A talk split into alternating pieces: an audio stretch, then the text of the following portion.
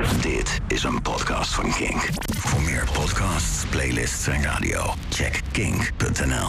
Kink. Kink op de week. Ik wil graag even alle vuilnisophalers in Nederland van harte feliciteren met een overwinning. Ze krijgen er zo'n 13% loon bij. En dat betekent dat ze nu allemaal luxe dingen kunnen gaan doen. Hè? Zoals de energierekening betalen. Of hun kinderen mee op schoolreisje sturen. En er groente kopen. Oké, groente blijft ook na een loonsverhoging nog steeds belachelijk duur.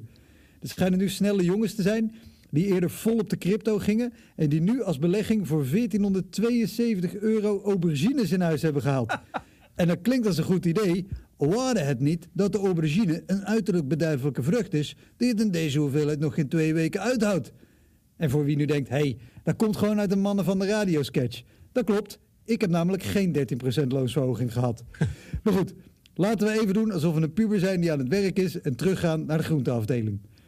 De overheid zou de BTW op alle onbewerkte groenten kunnen verlagen naar 9 of zelfs 0%. Dan is het aantrekkelijker om gezonde voeding te kopen en kom je mensen tegemoet in dure tijden zonder ingewikkelde toeslagenconstructies of een, een boodschappenplafond. Helaas vindt de overheid het verlagen van BTW op groente en fruit iets heel ingewikkelds. Net zoals pubers groente en fruit heel ingewikkeld vinden. Dat is raar eigenlijk, want als er met belasting iets geregeld kan worden om te zorgen dat bedrijven het in Nederland comfortabel hebben, dan is er heel veel mogelijk. Maar als er met belasting iets geregeld kan worden om te zorgen dat inwoners van Nederland het comfortabel hebben, dan is dat heel lastig en complex. Kijk, met z'n allen staken, dat gaat natuurlijk niet. Maar misschien kunnen we wel gewoon collectief zeggen: dan betaal ik vanaf nu ook helemaal nergens meer voor. En ja, dat komt rechtstreeks uit New Kids Turbo. Maar nogmaals, ik heb geen 13% loonsverhoging gehad. Overigens betaal ik met frisse tegenzin belasting. Juist omdat er dingen van worden betaald, zoals het ophalen van vuilnis. Want dat lijkt zoiets vanzelfsprekends, tot je ziet wat voor bende het wordt als niemand dat doet. In Maastricht werd bijvoorbeeld ook gestaakt. Als je die, beeld, als je die beelden ziet, jongen, dat zag er onmenselijk uit. Het zag eruit als Batman, als elf, als van alles, maar niet als mensen. Dat is het fijne aan een beroep als vuilnisophaler, buschauffeur of zorgmedewerker. Stop een paar dagen met werken en iedereen weet gelijk weer waarom jouw baan zo waardevol is.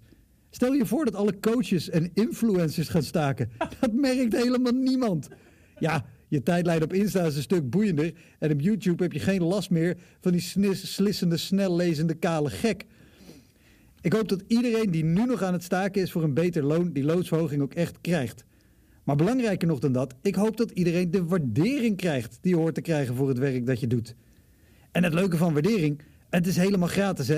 En het maakt ook geen reet uit of je rechts bent of links, met welke kleur je de Nederlandse vlag naar boven hangt, of je vegetariër bent of dat je nu al voor je ontbijt braadworsten staat te winterbarbecuen. Je kan het aan iedereen geven. Wens je schoonmaker op kantoor vandaag gewoon vriendelijk goede dag. Doe even je oortjes uit als je de bus instapt en incheckt. En wacht zonder toeteren als de vuilniswagen voor je stopt om kliko's te legen. En voor mij persoonlijk geldt, volg mij gewoon op Instagram. Dan is die 13% loonsverhoging voor mij niet eens nodig. En vast voor straks, lekker slapen en morgen gezond weer op. Dit was een podcast van Kink. Voor meer podcasts, playlists en radio, check kink.nl.